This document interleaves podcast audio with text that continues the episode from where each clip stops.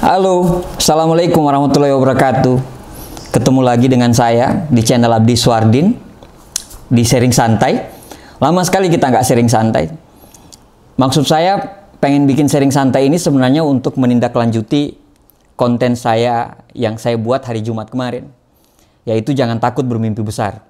Setelah saya lihat-lihat ternyata memang terlalu lebar gitu ya. Terlalu lebar, tidak ada penjelasan yang terlalu detail.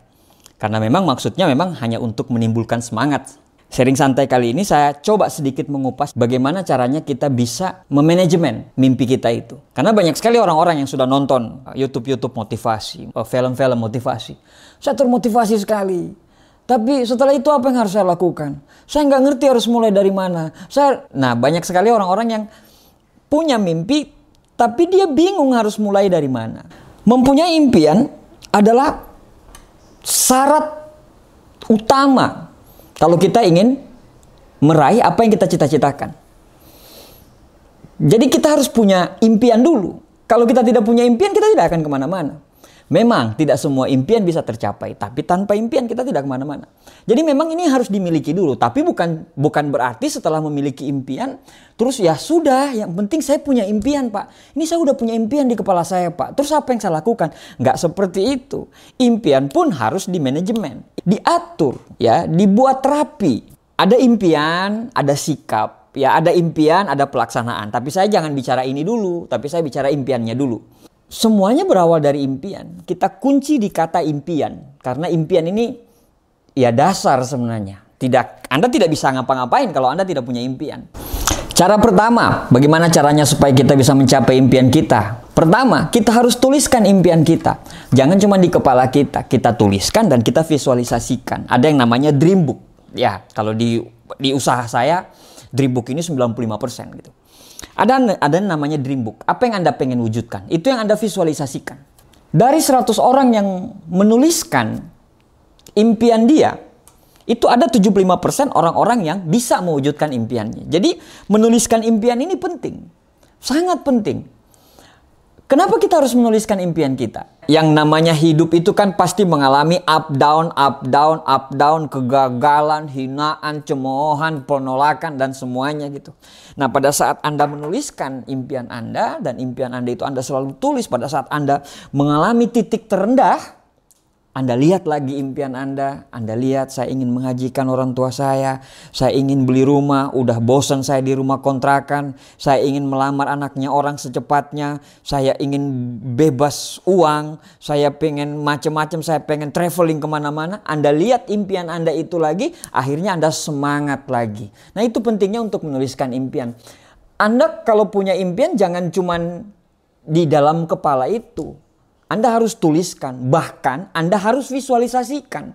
Misalnya, Anda ingin suatu saat karena Anda masih tinggal di rumah kontrakan, Anda ingin suatu saat Anda pengen punya rumah di perumahan yang mewah gitu. Ya, anda cari brosurnya, Anda lihat berapa harganya, berapa lama Anda bisa mewujudkan impian itu dan itu yang akan membuat Anda semangat gitu ya untuk meraih impian. Nah, tapi impiannya itu memang harus logis gitu ya. Kalau mamanya nggak logis, justru Anda jadi down.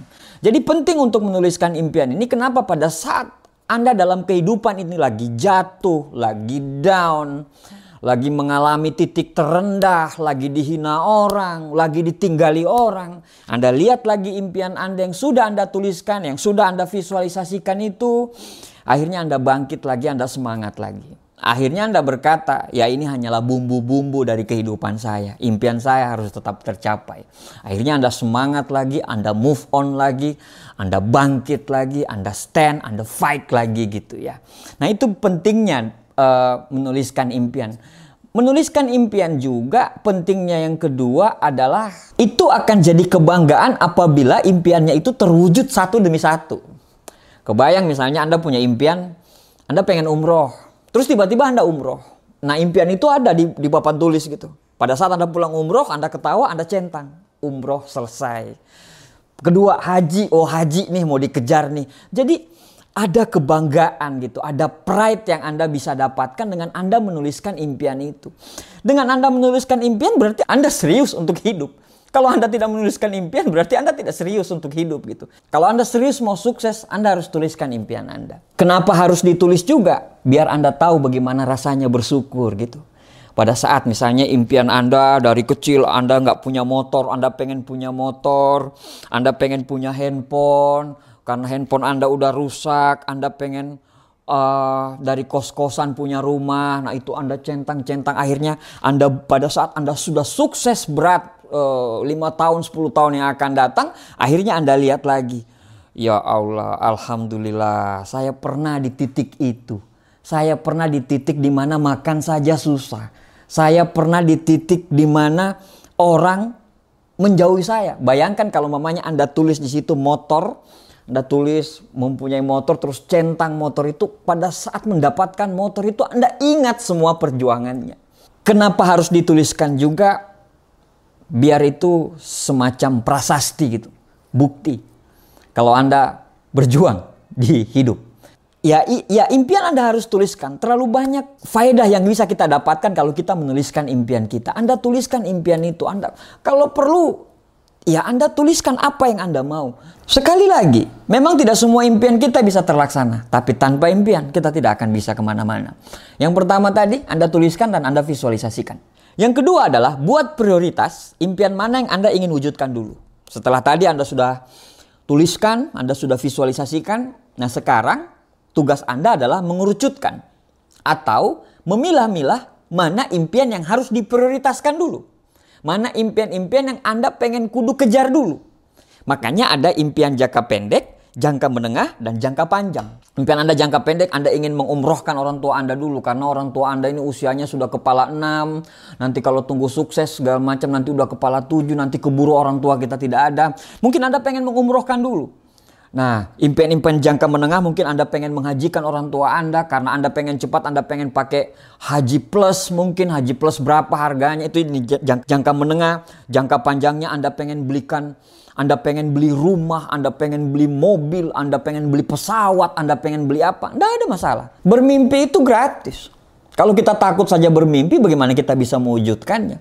Justru karena gratis ya liar aja bermimpi. Tapi selaraskanlah kerjanya dengan doanya terhadap mimpinya itu. Yang ketiga, kamu harus percaya diri. Bagaimana orang bisa percaya kepada kamu kalau kamu tidak percaya dengan diri kamu sendiri? Ini kunci. Kamu sudah punya impian, kamu sudah tuliskan, kamu sudah prioritaskan jangka pendek, jangka menengah, dan jangka panjang. Tapi kalau kamu tidak percaya pada dirimu sendiri, selesai. Ngomong kosong. Kamu nggak akan pede gitu. Kamu mau melangkah, kamu bingung. Ini betul nggak nanti? Temanmu bilang, ah salah tuh. Karena kita nggak percaya diri, kita bilang, oh iya iya bener juga ya, bener juga dia. Kita harus percaya diri dulu. Pada saat kita mau melangkah, kita harus pede dengan apa yang kita lakukan. Kita harus pede dengan lingkungan sekitar kita. Kita harus pede dengan langkah-langkah apa yang akan kita mau jalankan. Pede penting. Sangat penting. Sekali lagi saya bilang, bagaimana orang bisa percaya dengan kita? Kalau kita tidak percaya dengan diri kita sendiri. Dengan Anda percaya dengan diri Anda sendiri, akhirnya Anda bilang, yes, bismillah, saya akan lakukan, saya akan menuju ke impian saya. Nah, Anda percaya dengan diri Anda sendiri. Yang keempat, Anda harus lakukan evaluasi secara berkala. Kita ini cuma manusia biasa gitu. Kita ini bukan malaikat yang sepenuhnya 100% benar. Percaya diri penting, tapi evaluasi juga harus. Bagaimana caranya kita evaluasi? Berkala. Setelah kita lakukan evaluasi, kita lakukan lagi, kita evaluasi, kita lakukan lagi, kita evaluasi lagi. Apalagi kalau Anda mengerjakan impian Anda itu bersama tim. Nah, Anda harus punya evaluasi evaluasi, jadwal evaluasi. Dengan evaluasi kita akan tahu sejauh mana kita melangkah. Dengan evaluasi kita akan tahu sejauh apa yang sudah kita lakukan. Dengan evaluasi kita akan tahu mana yang tidak harus dilakukan dan mana yang harus dilakukan. Dengan evaluasi ini akhirnya kita bisa bercermin, akhirnya kita bisa uh, mengevaluasi yang kemarin dan menentukan langkah apa yang akan kita lakukan besok. Yang kelima, abaikan pikiran dan perkataan yang negatif. Punya mimpi besar, orang-orang pasti akan ngetawain gitu. Saya ingin jadi YouTuber ternama. Sedangkan subscribe Anda masih dua, masih tiga, Anda tidak punya fasilitas, Anda cuma punya handphone, Anda pengen jadi youtuber ternama, terus orang kanan kiri Anda bilang, ah nggak mungkin lah, nggak mungkin, nggak mungkin. Youtuber-youtuber besar seperti Atta Halilintar, yang lain-lain itu memulai dari satu subscriber. Tidak ada orang besar, orang yang sukses yang tidak memulai dari nol. Google, Apple, Microsoft itu mulai dari mana? Mulai dari rumah kecil, mulai dari garasi. Jadi semua hal yang besar itu berawal dari hal kecil. Seribu langkah di depan itu diawali dari langkah pertama. Jadi Anda harus punya langkah pertama. Jadi kalau Anda sudah punya langkah pertama, Anda bilang saya ingin jadi youtuber terkenal, yang lain bilang ah nggak mungkin, nggak mungkin, nggak mungkin. Abaikan, pakai kacamata kuda, fokus melangkah ke depan.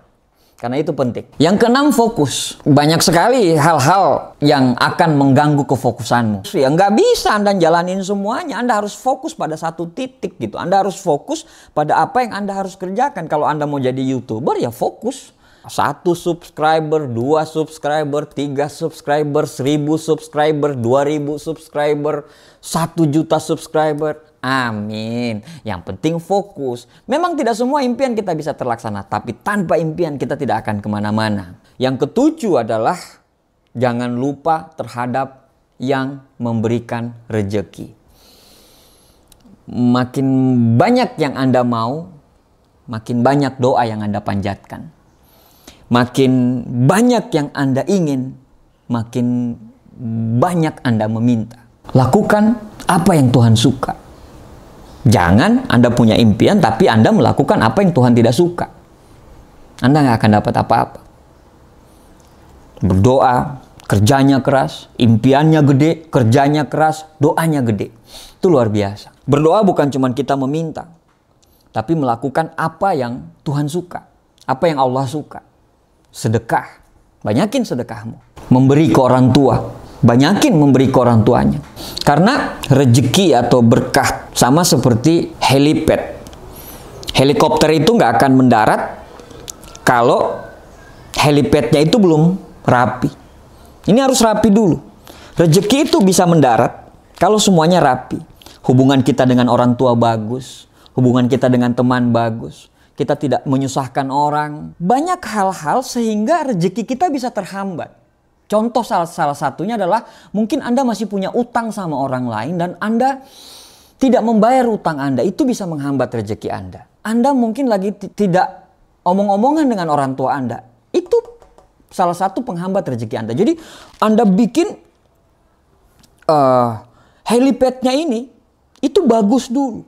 Hubungan Anda dengan orang tua bagus, hubungan Anda dengan istri bagus, hubungan Anda dengan kakak adik bagus. Semua utang-utang Anda bayar, tidak ada orang yang tersakiti. Akhirnya rezeki itu bisa mendarat. Itu konsep yang saya tahu dengan keterbatasan ilmu saya. Insya Allah rezeki itu akan mengalir. Sekali lagi, memang tidak semua impian kita bisa tercapai. Tapi tanpa impian, kita tidak ke mana-mana. Jadi, miliki impian yang besar, visualisasikan dan tuliskan impian Anda, prioritaskan jangka pendek, jangka menengah, dan jangka panjangnya. Teruslah percaya diri dengan terus belajar dan bertumbuh. Evaluasi terus secara rutin dan berkala. Abaikan semua pikiran-pikiran yang negatif. Fokus terhadap satu tujuan. Dan banyakin doanya. Insya Allah impianmu cepat atau lambat pasti akan terwujud. Terima kasih. Demikian sharing santai dari saya. Assalamualaikum warahmatullahi wabarakatuh. Sukses buat kita semuanya.